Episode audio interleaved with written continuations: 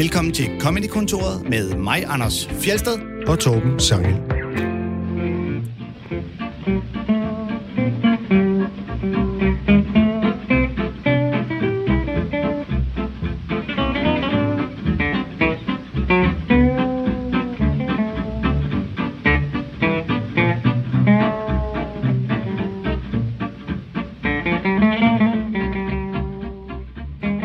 Gang handlede det om musik og comedy i Comedykontoret, og i dag skal det så også handle om musik og comedy.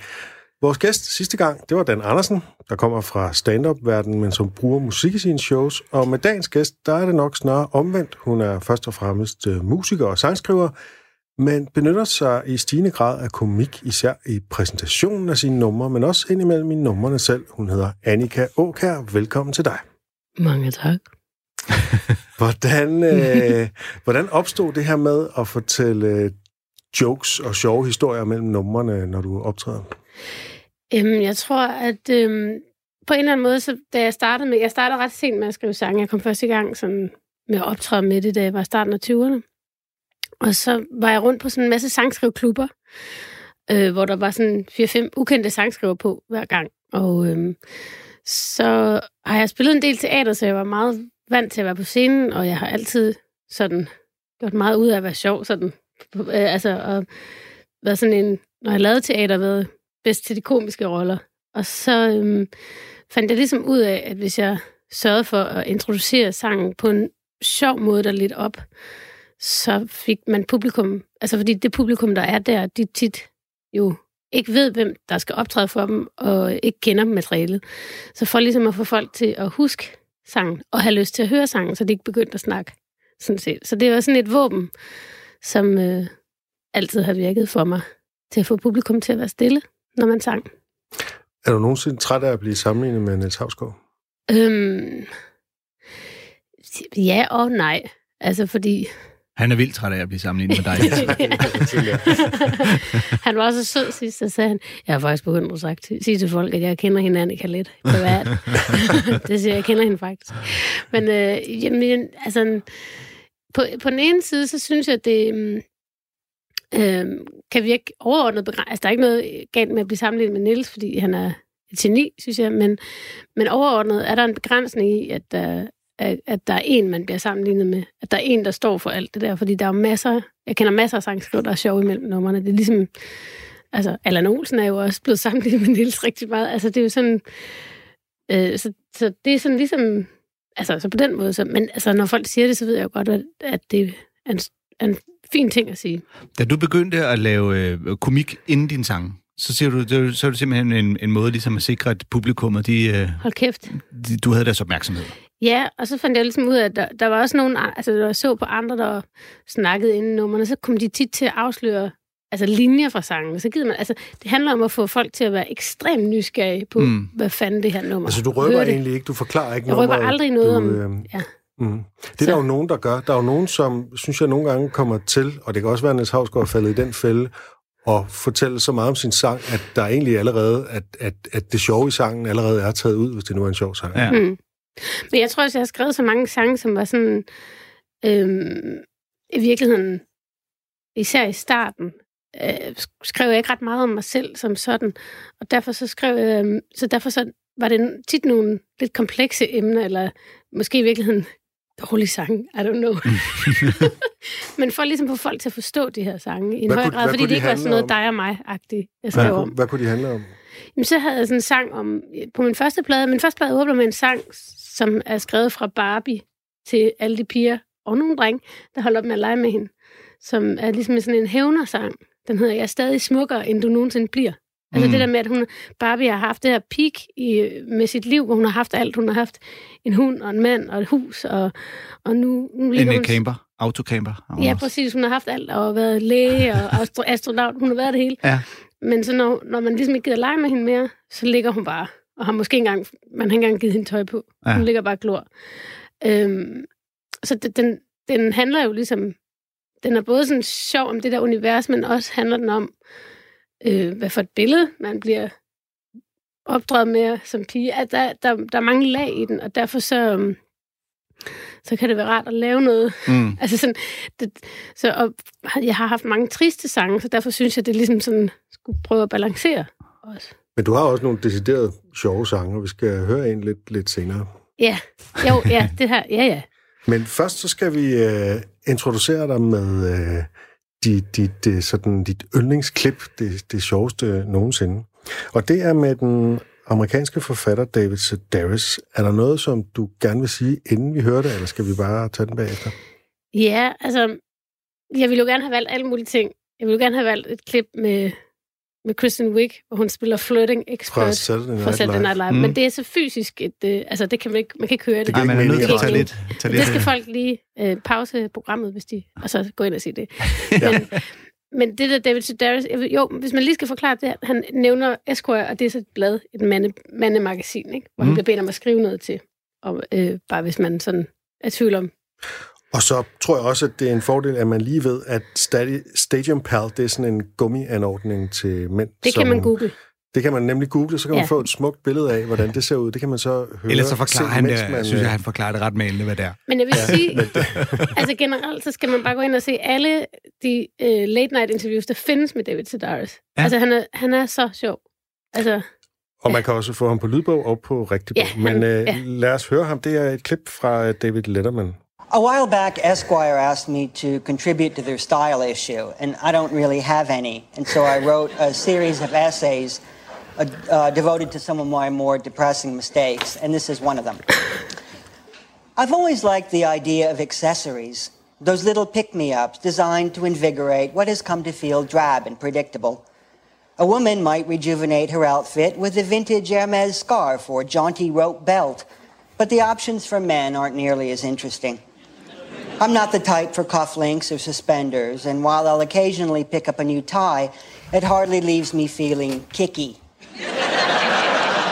Hidden accessories can do the trick, but again, they're mainly the providence of women.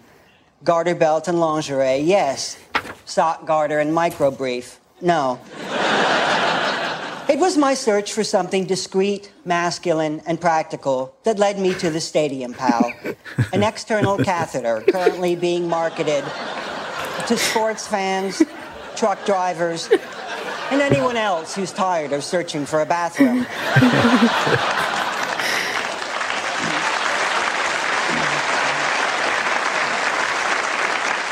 At first inspection, the device met all my criteria. Was it masculine? Yes, and proudly so. Knowing that no sensible female would ever voluntarily choose to pee in her pants, the manufacturers went ahead and designed a product exclusively for men.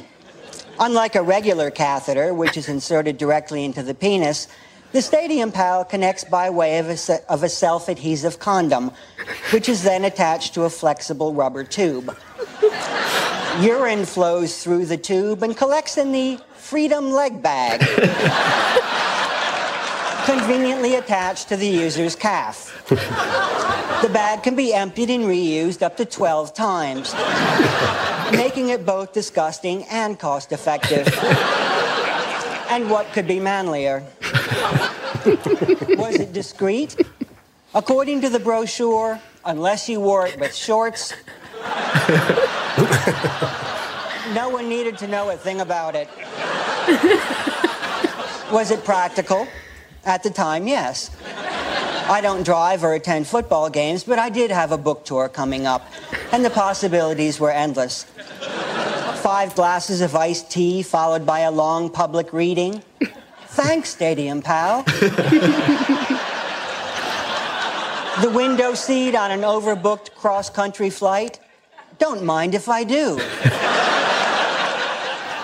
I ordered myself a Stadium Pal and realized that while it might make sense in a hospital, it really wasn't very practical for day to day use. In an open air sporting arena, a piping hot 32 ounce bag of urine might go unnoticed.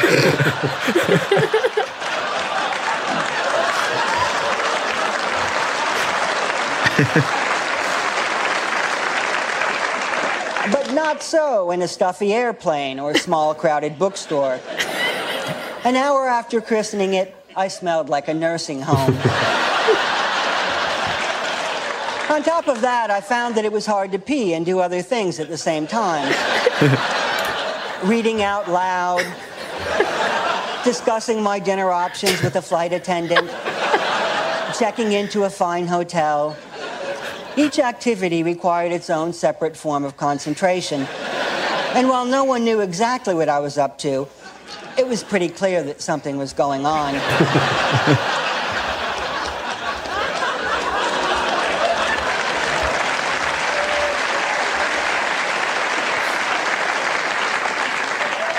I think it was my face that gave me away. That and my oddly swollen calf. What ultimately did me in was a self adhesive condom. Putting it on was no problem, but its removal qualified as what, in certain cultures, is known as a brisk. Wear it once and you'll need a solid month in order to fully recover. It would likely be a month in which you'll weigh the relative freedom of peeing in your pants against the unsightly discomfort of, well, scabs. Ultimately realizing that in terms of a cute accessory, you're better off with the new watch band.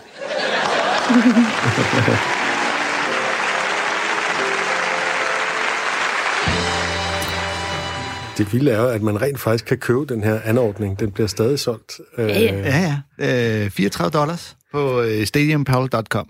Og ja, er der er lavet en Stadium Gal udgave også nu. Fedt. Fantastisk. Ja. Der har åbenbart været noget efterspørgsel. jeg ved det ikke. Jeg elsker David Sedaris. Han er en fantastisk historiefortæller. Han har jo lavet, altså jeg ved ikke, 300 eller sådan noget historier, som alle sammen er sjove, der tager udgangspunkt i hans eget liv. Ja. Øh, og nok digter lidt til, fordi egentlig er han en ret stilfærdig fyr. Men øh, Ja. øh, så det, jeg er ikke helt sikker på, at han rent faktisk har prøvet den her af, sådan som han beskriver det. Nej, nej. Men øh, han kan i hvert fald forestille sig, hvordan det Ja. ville være at gøre det. Ikke? Ja, Han- og så der er, sådan, øh, der er jo også enormt meget mørke i hans, i hans komik, som jeg godt kan lide. Det kan jeg godt, altså... Mm. Hvordan hører vi det her i det her klip? Øhm, Jo, men det er sådan balancen, det, lige måske ikke i det her klip, men når han for eksempel taler om sin familie og i Santaland Diaries, men, men det der med, at det, er jo, det sjove er jo også det der med, at han, han jo er den her, han er jo en homoseksuel, lidt, lidt velklædt mand, lidt lille Mm, mand, ikke? En, Altså en det der, laps, kan man måske sige. Hvad betyder det? Nå Laps, det er sådan, altså det, for eksempel i det her klip, hvis man ser det på YouTube, så har han sådan et meget farvet slips på. Ja. Øh, ja, det, men jeg tror det var en for, er det en forkortelse for noget? nej, Laps? nej, det er lap, det er en gammel betegnelse for nogen, der, der sådan er meget Ja. øh, øh, velklædte og går meget op i. at- Jeg tror, du var en person fra Lapland. Okay, altså, fordi det der er jo også er sjovt i, kan man sige, i det udover hans beskrivelse af det, det er jo også det der med at tage, den, tage det ud af sports arena og truck drivers. Det Ja. med at tage det ind i sådan en fin garderobe og sidde ind på på butik og tis. Ja. efter sine er det noget, som piloter bruger, eller det bliver i hvert fald Ja. markedsført som, Ja. som noget, som En piloter pilotting. kan bruge. Ikke? Og det er jo altså en Mm. lang sådan øh, oversøisk flyvetur, så øh, er det måske meget smart sådan umiddelbart, men det er også lidt klamt. Ikke? Og det der med, at den kan Lidt. genbruges 12 gange. sådan ja. Ja, men det, øh, det er skægt, hvor han... Øh, øh, han, han, nogen, han bruger nogle, altså han, han er anderledes end de klip, vi typisk spiller her, fordi det, vi spiller jo ofte stand-up-komikere, Hmm. og han er jo ikke stand-up-komiker. Nej, Han, han står her og leverer en monolog, men han leverer den jo som det skrevne tekst. Det er jo en novelle, øh, Ja. faktisk snarere en monolog, men det giver noget, at der så, at man hører publikums øh, reaktioner. Ikke?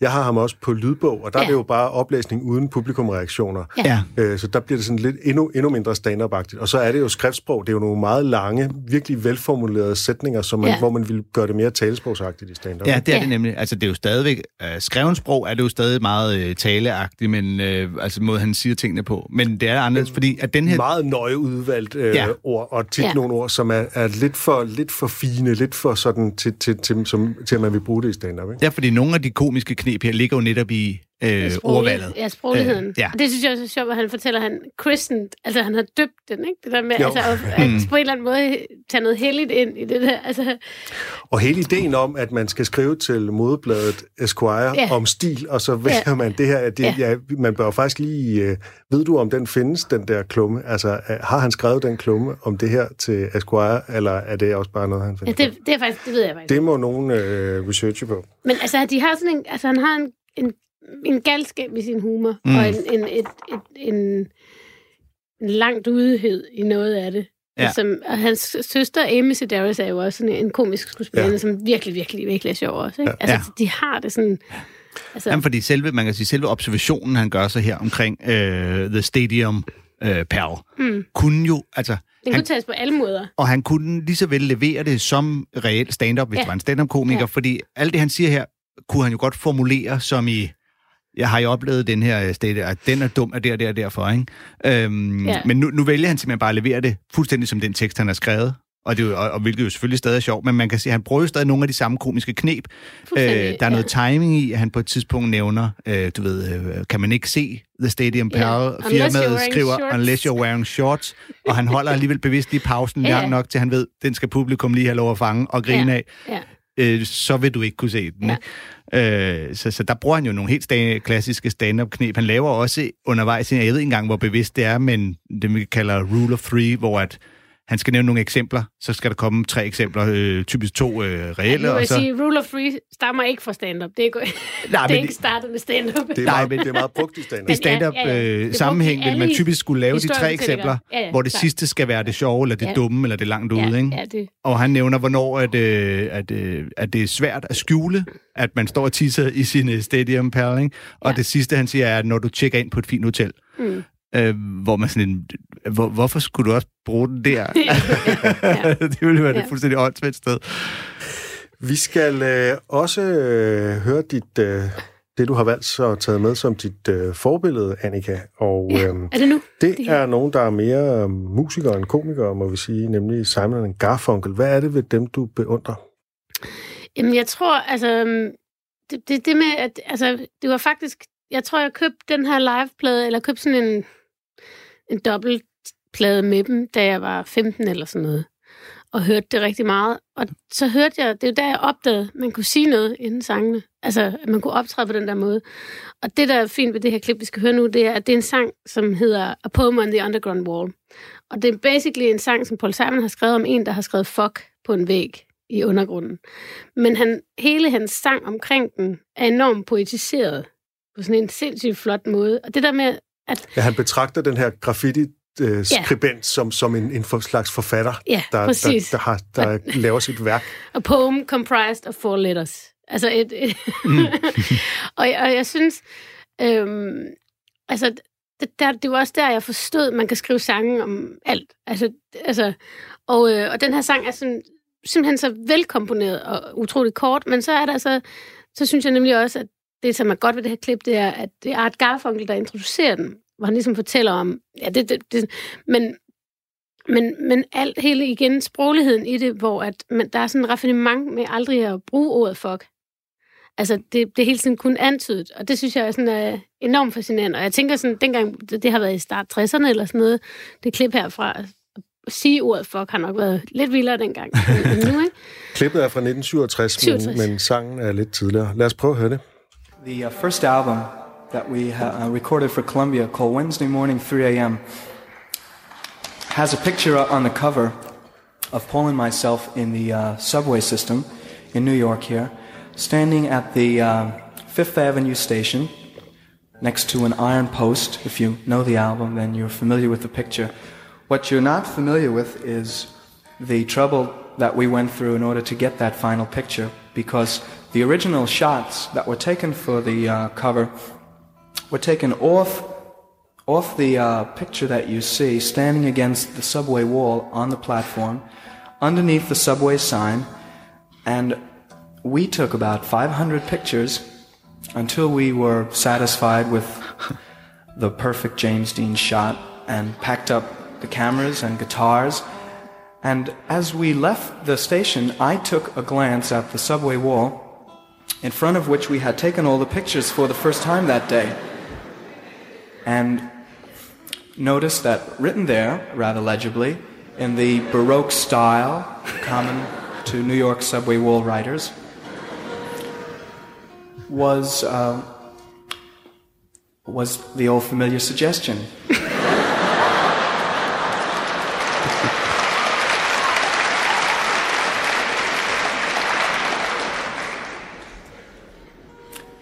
And rather beautifully illustrated as well.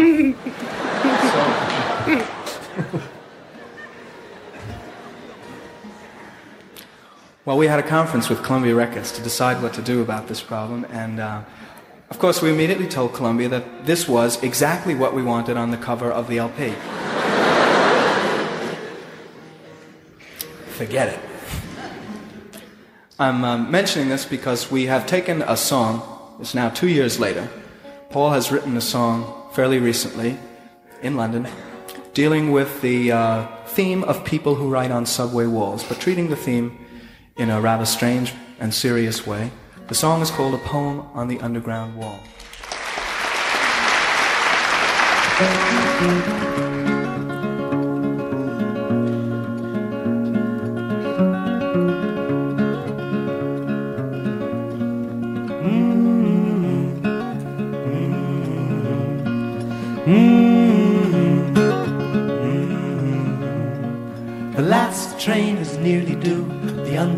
Is closing soon. And in the dark, deserted station, restless in anticipation, a man waits in the shadows.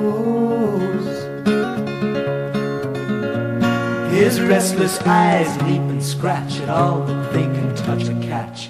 Hidden deep within his pocket, safe within his silent socket, he holds a colored crayon. Now from the tunnel's stony womb, carriage rides to meet the groom and opens wide and welcome doors, but he hesitates, then withdraws deeper in the shadows.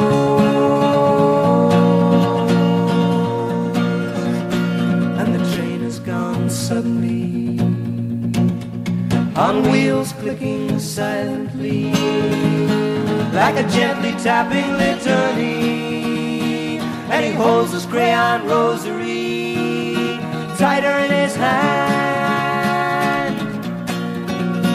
Now from his pocket quick he flashes the crayon on the wall he slashes deep upon the advertising a single worded poem comprised of four letters.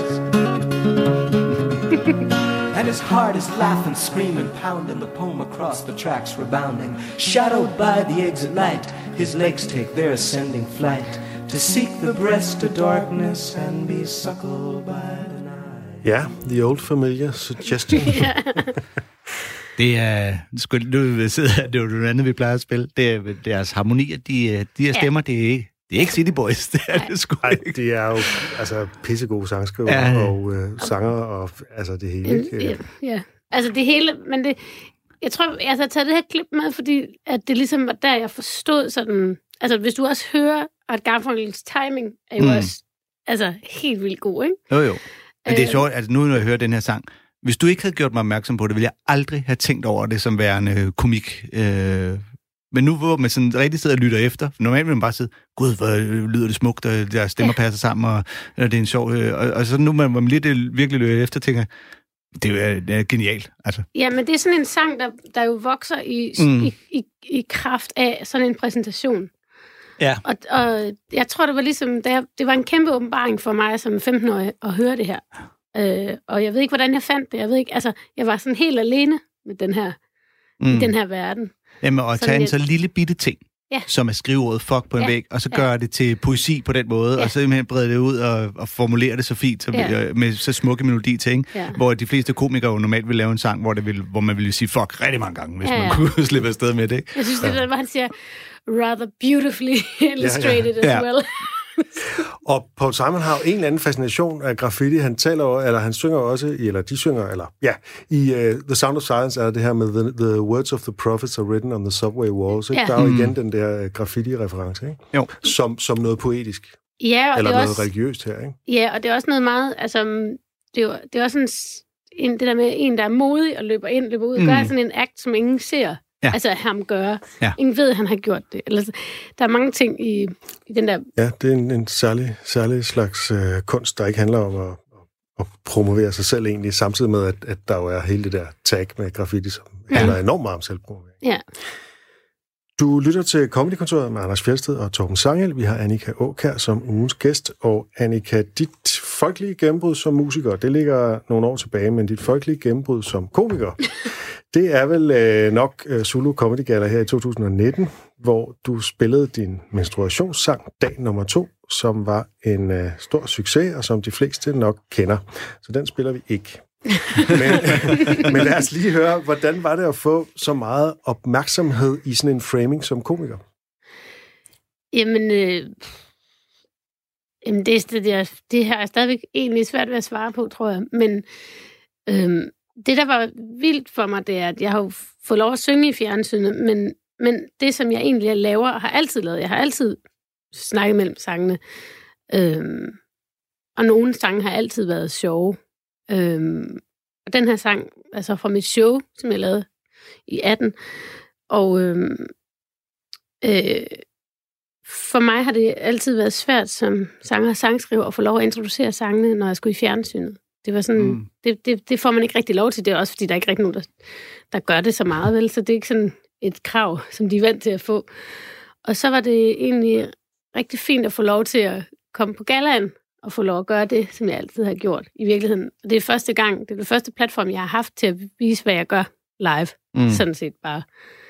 Øhm, på de 12 år, jeg har haft en karriere. øh, eller det er ikke helt første gang, men det er næsten første gang. Ikke? Og øh, jeg kunne godt mærke sådan, inden da, det, det, det gibbede lidt i mig, at jeg egentlig fik lov til for første gang at vise og folde helt ud, hvad det er, jeg laver ja. egentlig.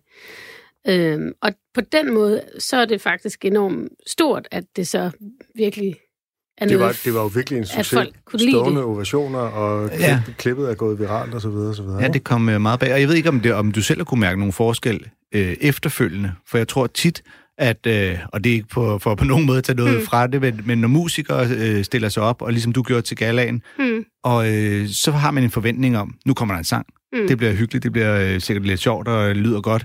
Når det så samtidig er rigtig sjovt, så bliver man ekstra overrasket, fordi at ja, humor er overraskelse, så hvis man både kan blive overrasket over, hvorvidt man, mm. at det, man skal høre, er sjovt, og det så er sjovt, så er det ligesom en dobbelt overraskelse, ikke? hvor når Jonathan går op, så forventer vi, at det kommer til at være sjovt, så hvis ikke det er skide sjovt, så bliver man nærmest lidt skuffet. Mm. Og, og, så får man ligesom lidt ekstra boost af, øj, fuck mand, mm. hun ikke bare synger godt, det er jo også skideskægt. Mm. Øhm, og, og, og det, det er den fordel, jeg tror, man tit har som musiker, når man kan være til en koncert være sjov mellem numrene. Ja. Men kan du mærke nu, om folk så har en forventning af, nå, nu skal vi grine? Ja, altså det, det, det er jo også lidt sjovt, fordi jeg har altid, det har altid været sådan snigeren for mig at være sjov, at mm. folk er blevet overrasket over det. Ja. Øh, og, nu, nu, er det så, nu, nu er sækken katten, ikke? Altså, og det, det er alligevel, øh, der kan jeg jo godt mærke et større pres til faktisk altså, at skulle, skulle finde på nyt materiale, fordi mm. min turné er jo ikke 70 shows lange og i Nej. en evighed, altså, hvor man så skriver noget helt nyt. Øh, jeg skal jo spille tit de samme sange, og, eller, eller det kommer an på, hvad jeg laver. Jeg har jo lavet mm. det der one-woman-show, som, hvor jeg skrev helt nyt materiale, ikke? og så har jeg, så har jeg jo min, min sange, som er på pladerne, som jeg skal på tur med nu. Og der føler jeg da klart, altså, men det, det synes jeg også er rart. Okay, nu er der sådan ligesom, nu bliver jeg lige tvunget til at finde på nogle nye historier. Ja. Det gjorde jeg også i efteråret. Og, men jeg kunne godt mærke, at jeg godt mærke, at der er et større pres, men det kan jeg egentlig meget godt lide. Altså, det er ret godt at blive, blive skubbet derhen. Og så, øhm, ja, hvad vil du sige, Torben? Jeg vil bare øh, sørge for, at vi øh, kommer videre, fordi ja. vi har en del klip, vi skal nå. Ja, undskyld. Æh, det, vi laver det til tema lørdag. Det er helt i hånden.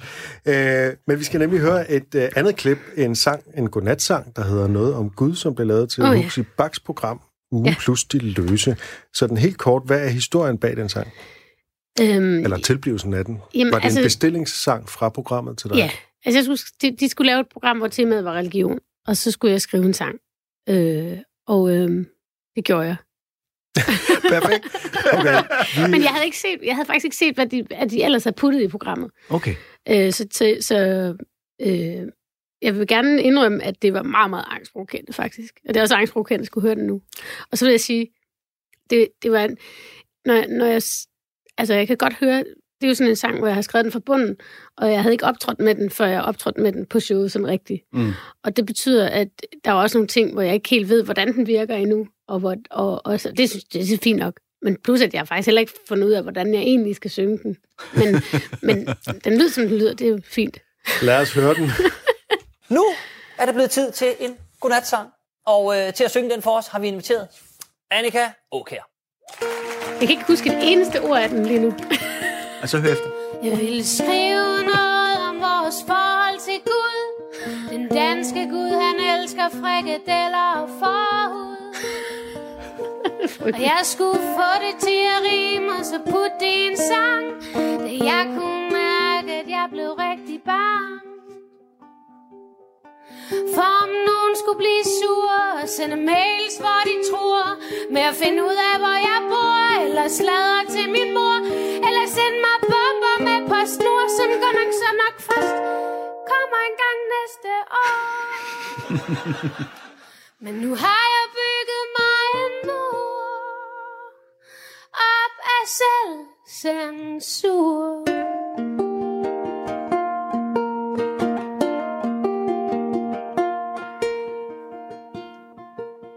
Og jøderne har haft det svært, det ved de flest.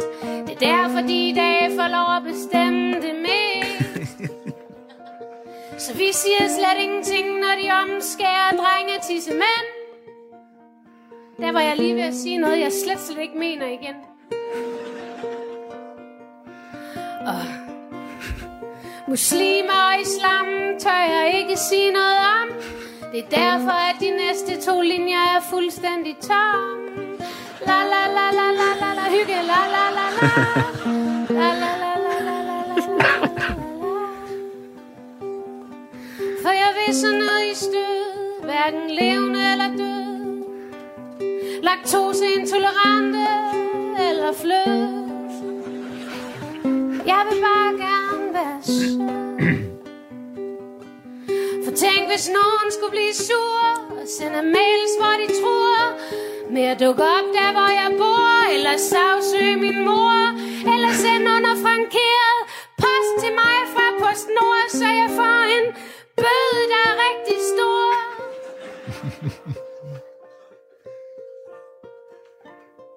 Nu gemmer jeg bag min mur af selvcensur.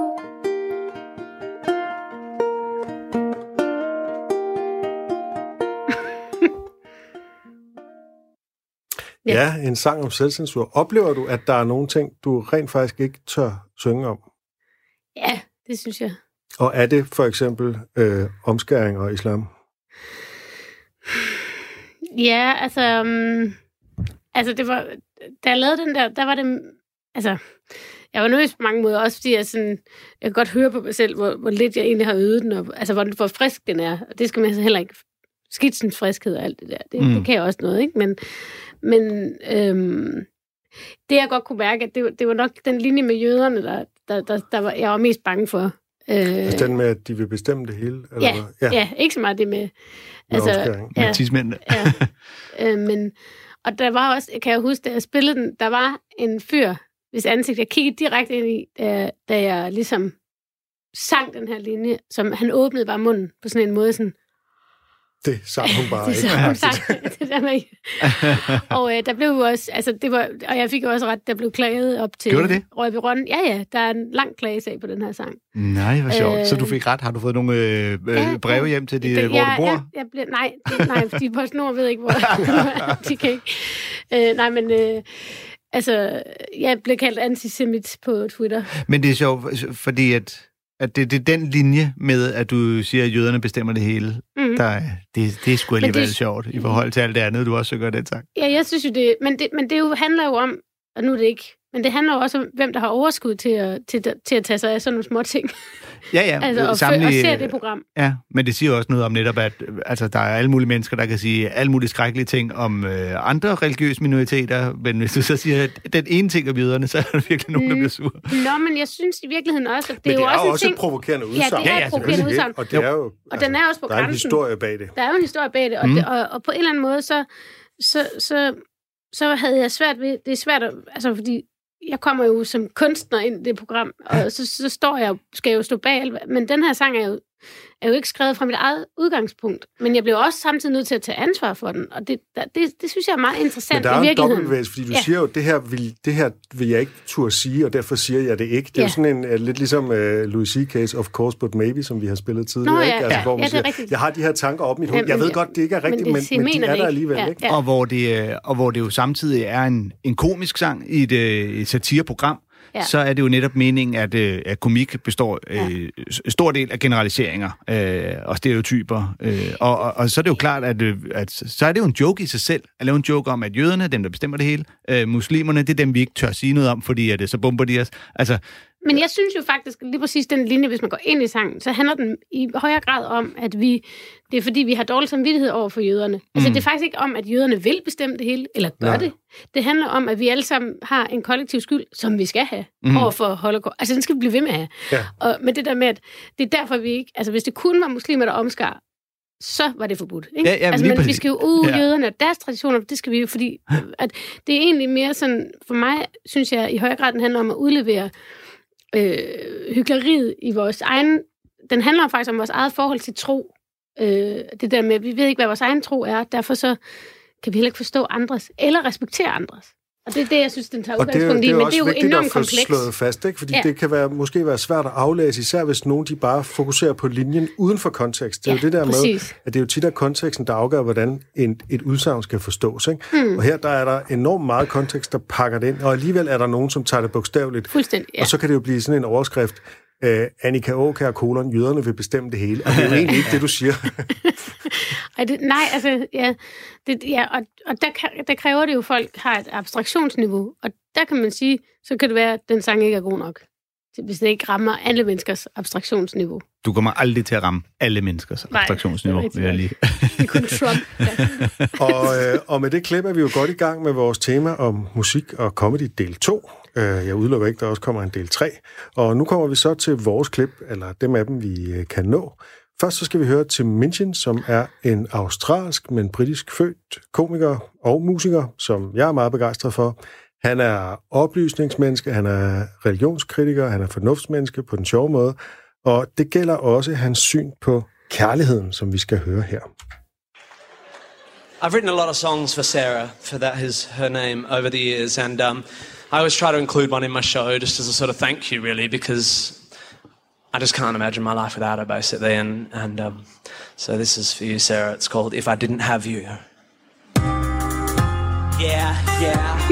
if I didn't have you. Yeah. If I didn't have you to hold me tight.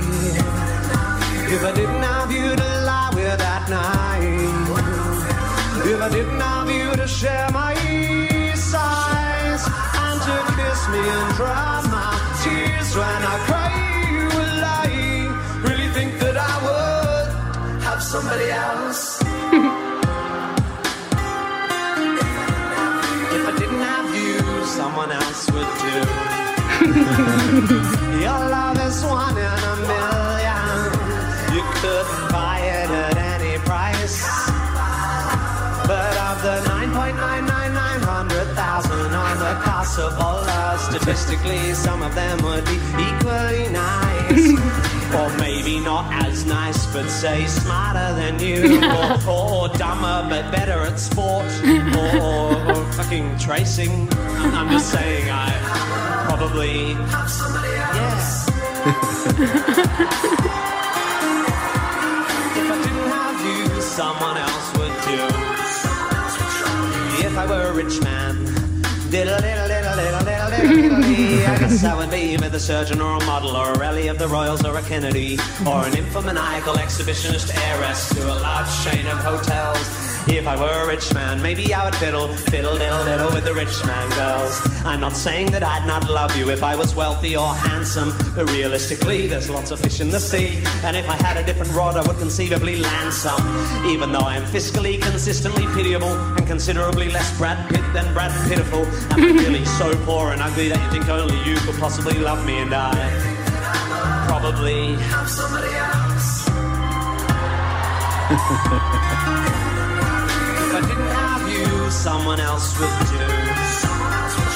I'm not undervalued valuing what we've got when I say that given the role chaos inevitably plays in the inherently flawed notion of fate. It's abstruse to deduce I found my soulmate at the age of 17. It's just mathematically unlikely that at a university in Perth I happen to stumble on the one girl on earth specifically designed for me. and if I may conjecture a further objection, love has nothing to do with destined perfection. The connection is strengthened, the affection simply grows over time, like a flower or a mushroom or a guinea pig or a vine or a sponge or bigotry or a banana. More powerful by the ongoing drama of shared experience and the synergy of a kind of symbiotic empathy or something. So I trust it goes without saying that I would feel really very sad if tomorrow you were to fall off something high or catch something bad. But I'm just saying, I don't think you're special. I, I mean, I think you're special, but you fall within a bell curve. I mean, I'm just saying, probably. I think you are unique and beautiful. you make me happy despite being around. But objectively, you would have to agree that, baby, when I found you, options were relatively thin on the ground. You're lovely, but there must be girls as lovely as you, and maybe more open to spanking or fucking table tennis. I'm just, I'm just saying, probably. I mean, I reckon it's pretty likely that if, for example, my first girlfriend Jackie hadn't dumped me after I kissed Winston's ex-girlfriend Nia at Steph's party back in 1993, enough area. Ja, vi er nødt til at fade det. Den her sang er ret lang, og den fortsætter.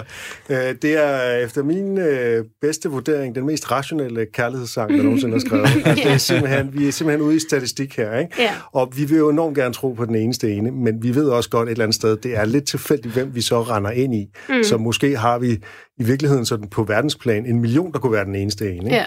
Ja, og, og netop i det, når hvis der er en, den eneste ene ud af øh, potentielt øh, 3,5 milliarder øh, emner, skal man selv være heldig, hvis man finder vedkommende, ikke? Øh, Jo, det er jo det, og det er jo sådan en gammel, det er jo en gammel myte, som ja. Går tilbage til Platons symposion, ikke? om at man har en bedre halvdel, altså at man oprindeligt var syet sammen, mm. eller vokset sammen, og så blev man, øh, så blev man skilt ad, og så, øh, så går man rundt og leder efter øh, øh, den, sin bedre halvdel, sin anden halvdel. Ikke? Jo.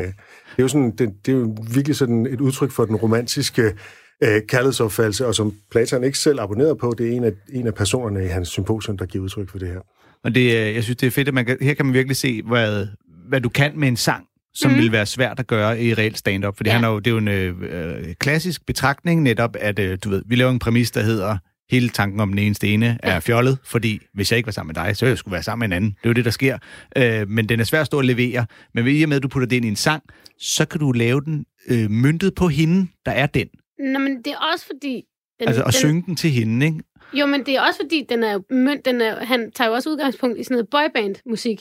Ja. Som er I Didn't Have You. Altså, Ja, der, det det er sådan noget, alle de der sange så handler oven i det er det jo du sådan- ja. Alle de sange bygger på uh, girl, og det er lige meget, du er pæn uden makeup, alt det der lort. Ja, ja. Og så det der med, at, at den har, lyder, den er produceret som et boyband-nummer. Ja. Det er det, der også ligesom giver den, den tyngde den anden vej, jo. Og så ja, er det jo det der er titlen. If I Didn't Have You, ikke? Altså, det Ja. kunne være I Don't Want Nobody Baby, øh, der Ja, kom ja. Ja, ja, bagefter. præcis, ikke? Men fordi det, er- oveni bliver en parodi på den klassiske Og så- boyband Ja. øh, Og så er pointen ballade. det stik modsat, ikke? If I Didn't Ja. Have You, someone else would do, ikke? Og det er også fordi, den starter jo den starter enormt, altså har en enorm generisk kærlighedstekst, det der. Altså rimene er jo helt vildt meget sådan taget ud. Og så begynder det at blive meget specifikt, så så der er sådan en dobbelthed, altså fra at gå fra det generiske til det meget specifikke. Mm. Og eksemplerne sy- bliver mere og mere fjollede Ja, på, øh, hvordan de ellers ville være, de kvinder, Ja. man vil være sammen med. Ja, ja, vi vil Ja. bedre til bord til. ja, ja, det er virkelig skægt. Øhm, vi skal videre. Vil du præsentere den, den næste, vi skal høre, Anders, som Ja. ja. vist nok Han udtales hedder John. John Lajoie. La Joie. Han er Øh, kanadier. Ja, som øh, igen Quebec. er en fyr, der putter øh, komik ind i sin musik. Mm. Øhm, men, men, men stort set kun laver musik, fordi det skal være morsomt. Mm. Øh, men han er også, øh, jeg synes også, han laver noget, så nogle øre, ørefaldende ting. Han laver en parodi på den klassiske rap-sang, hvor det vi lige har hørt måske mere var boyband-balladen. Øh, balladen.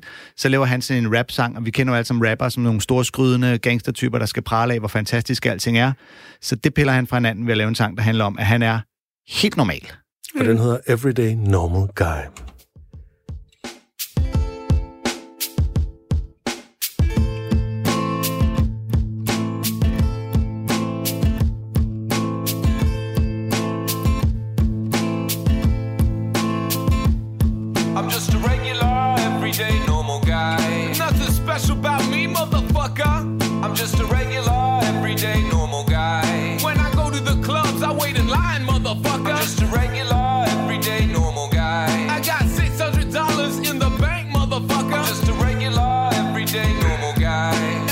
Sexual performances are average. I work in customer service for a phone company. I make 12 bucks an hour, but that's all I need. I live in a small apartment on a quiet street. I don't go out too much. I like to watch TV. I can't afford a car. I use public transportation. I don't mind. I read till I reach my destination. Sometimes a newspaper, sometimes a book. The amount of money I save, the shit is off the hook. And I'm not very good with the women. I'm a pretty shy person and I'm average looking. Last time I had sex was in 2003, and I'm ashamed to admit, but it wasn't free. I'm just a regular, everyday, normal guy.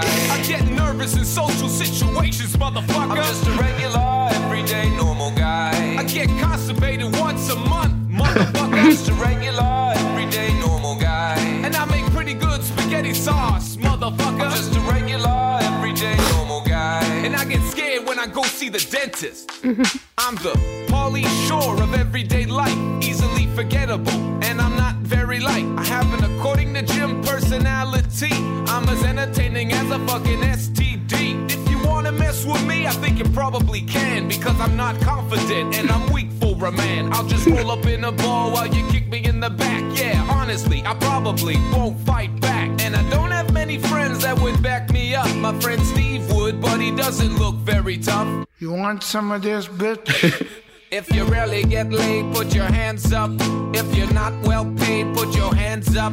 If you got a pet cat, put your hands up. And if you got a bad back, put your hands up. Hurt my back a couple summers ago, moving a fridge, and ever since then it's just not the same. It it, it gets pretty sore.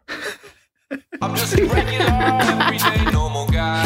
My parents are really nice people, motherfucker. I'm just a regular, everyday, normal guy. I'm somewhat afraid of heights, motherfucker. I'm just a regular, everyday, normal guy. I like the show Grey's Anatomy, motherfucker. I'm just a regular, everyday, normal guy. And I'm pretty good at making paper planes.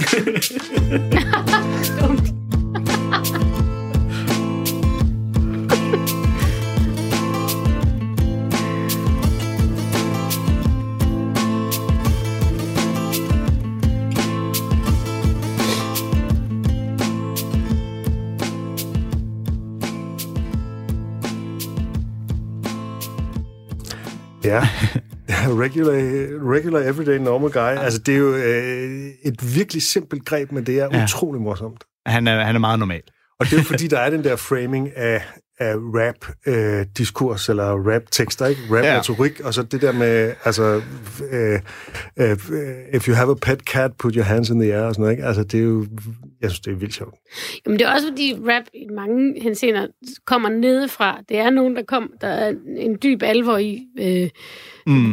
hvad for lidelse mange af dem har været igennem. Det er også, altså, så, så man taber også ind i noget sociohistorisk, øh, som, som er virkelig... Og hvor mange rapper Altså- altså, så nok også vælger at overdrive mest muligt, ikke? For, Ja. øh, altså, man hører jo tit historierne om, du ved, om det så er Vanilla Ice eller lignende, der er travlt med at fortælle deres hårde opvækst, og nogen siger, "Ej, nej, du vokser altså op i et vildt kvarter. Det er lidt herude." ligesom Mette Frederiksen, der også mener, hun voksede op i nogle boligblokke Åh, ja. i Ja. Aalborg, og så var det i virkeligheden lige kvarteret lige ved siden af. Ja, det var vildt kvarteret ved siden af blokken. Ja, men, men det i hvert fald handler om at få det til at virke så ekstremt som muligt Nå, men i han kan, tage det sammenhænge. her, han kan jo tage det her greb, fordi der er så Ja. dyb en forståelse i, eller sådan en undertekst af, af det, som man kalder blanke huller, som folk selv kan fylde ud. Ja. Og når du så putter motherfucker i enden af hver sætning, så, Ja. ja. så virker det endnu mere morsomt, når du skriver, at jeg laver en okay spaghetti sauce, motherfucker. Ja. Ja, og der er faktisk også en Everyday Normal Guy 2, hvor han blandt andet synger I'm saving up to buy a new dishwasher, motherfucker. Men det er bare... Han har er lavet en toer. Det er rigtigt. Han har lavet en Øh, toer til den, hvor... Og jeg, det kan jo kun fungere netop som musik, ikke? fordi vi har hele rap-konteksten, ikke? ligesom Mm. mm. før Mm. med, med boyband-konteksten Ja. og kærlighedssang-konteksten, ikke? så har vi her sådan fuldstændig... Det, det, det ville aldrig fungere, hvis han stod og sagde de der ting. Nej, Nej. og så bliver det så... øh, Her er det så ekstra godt... Øh, hvad hvad kan man sige? Kunsten ligger i de eksempler, han vælger. Altså de ting, han finder frem, netop når han, øh, når han siger... øh, I get nervous in social situations, motherfucker. Ja. Altså, han finder på nogle virkelig gode ting at nævne, hvor ordinær han er. Ja. Øh, jeg kan, nogle gange er jeg lidt højdeskræk, motherfucker. Ja. Altså, der, der kan, han har jo sikkert haft en lang liste af ting, og så har han simpelthen bare valgt de allerbedste ud, og jeg synes, det er nogle virkelig gode numre, han har valgt. Helt sikkert. Øhm, I, i toren, Every, Day, Every uh, Day Normal Guy, part 2, der slutter han også af med at sige, I think this cow has been milk dry. For ligesom at understrege, nu har jeg Ja. lavet den samme sang to gange. lad, lad os se, om vi kan nå øh, begge de to klip, vi har tilbage. Øh, så skal vi være hurtige. Ja, Ja. vi skal høre en gammel kending af for lytter her i programmet, nemlig Dimitri Martin, som jo normalt er sådan en regulær joke-komiker, men indimellem så kombinerer han sine jokes med musik, og det skal vi høre her.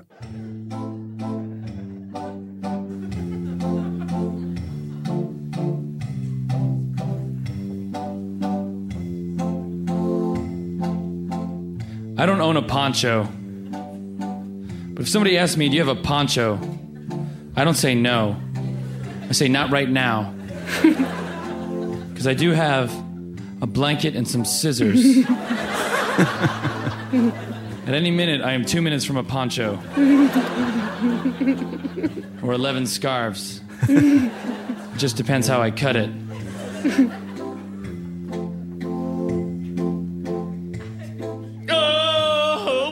Oh, yeah. Det er jo Will Forte, han er med på scenen.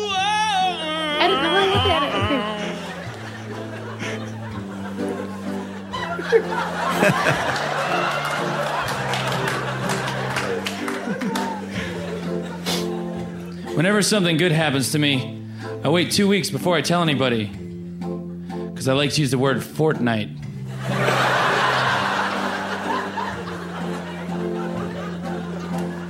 I think bears and worms aren't very similar until you think of gummy. and they're very similar.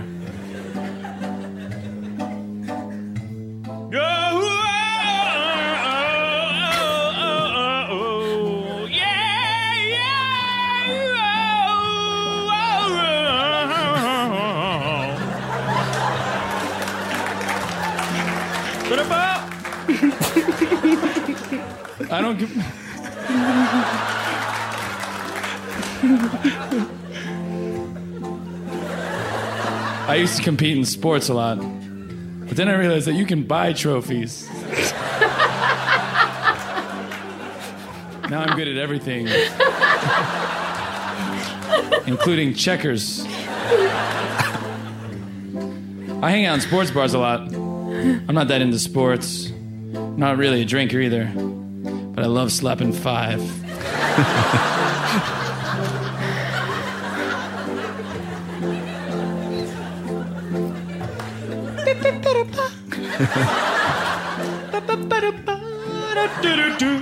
Ja, den øh, fortsætter videre endnu. Ja, det er det vilde. Jeg synes simpelthen, det er, og jeg, jeg kan ikke helt forklare hvorfor, men det er sindssygt sjovt med de der wow-wow-passager, mm. fordi det er sådan nogle jokes, der er en helt anden, altså de er overhovedet ikke følelsesladet på nogen som helst måde, det er sådan nogle lidt fjollede Ja. ordspil, øh, sådan one-liner jokes, og så kommer der det der, sådan, som er sådan et, øh, selvfølgelig en parodi på, men også et tegn på sådan noget inderligheds øh, Mm. Fraseringer, ikke? Jo. Øhm, Vi fik ikke sagt det inden, det er Will Forte, også fra Ja. Saturday Night Live, som ja. kommer på scenen og hjælper her.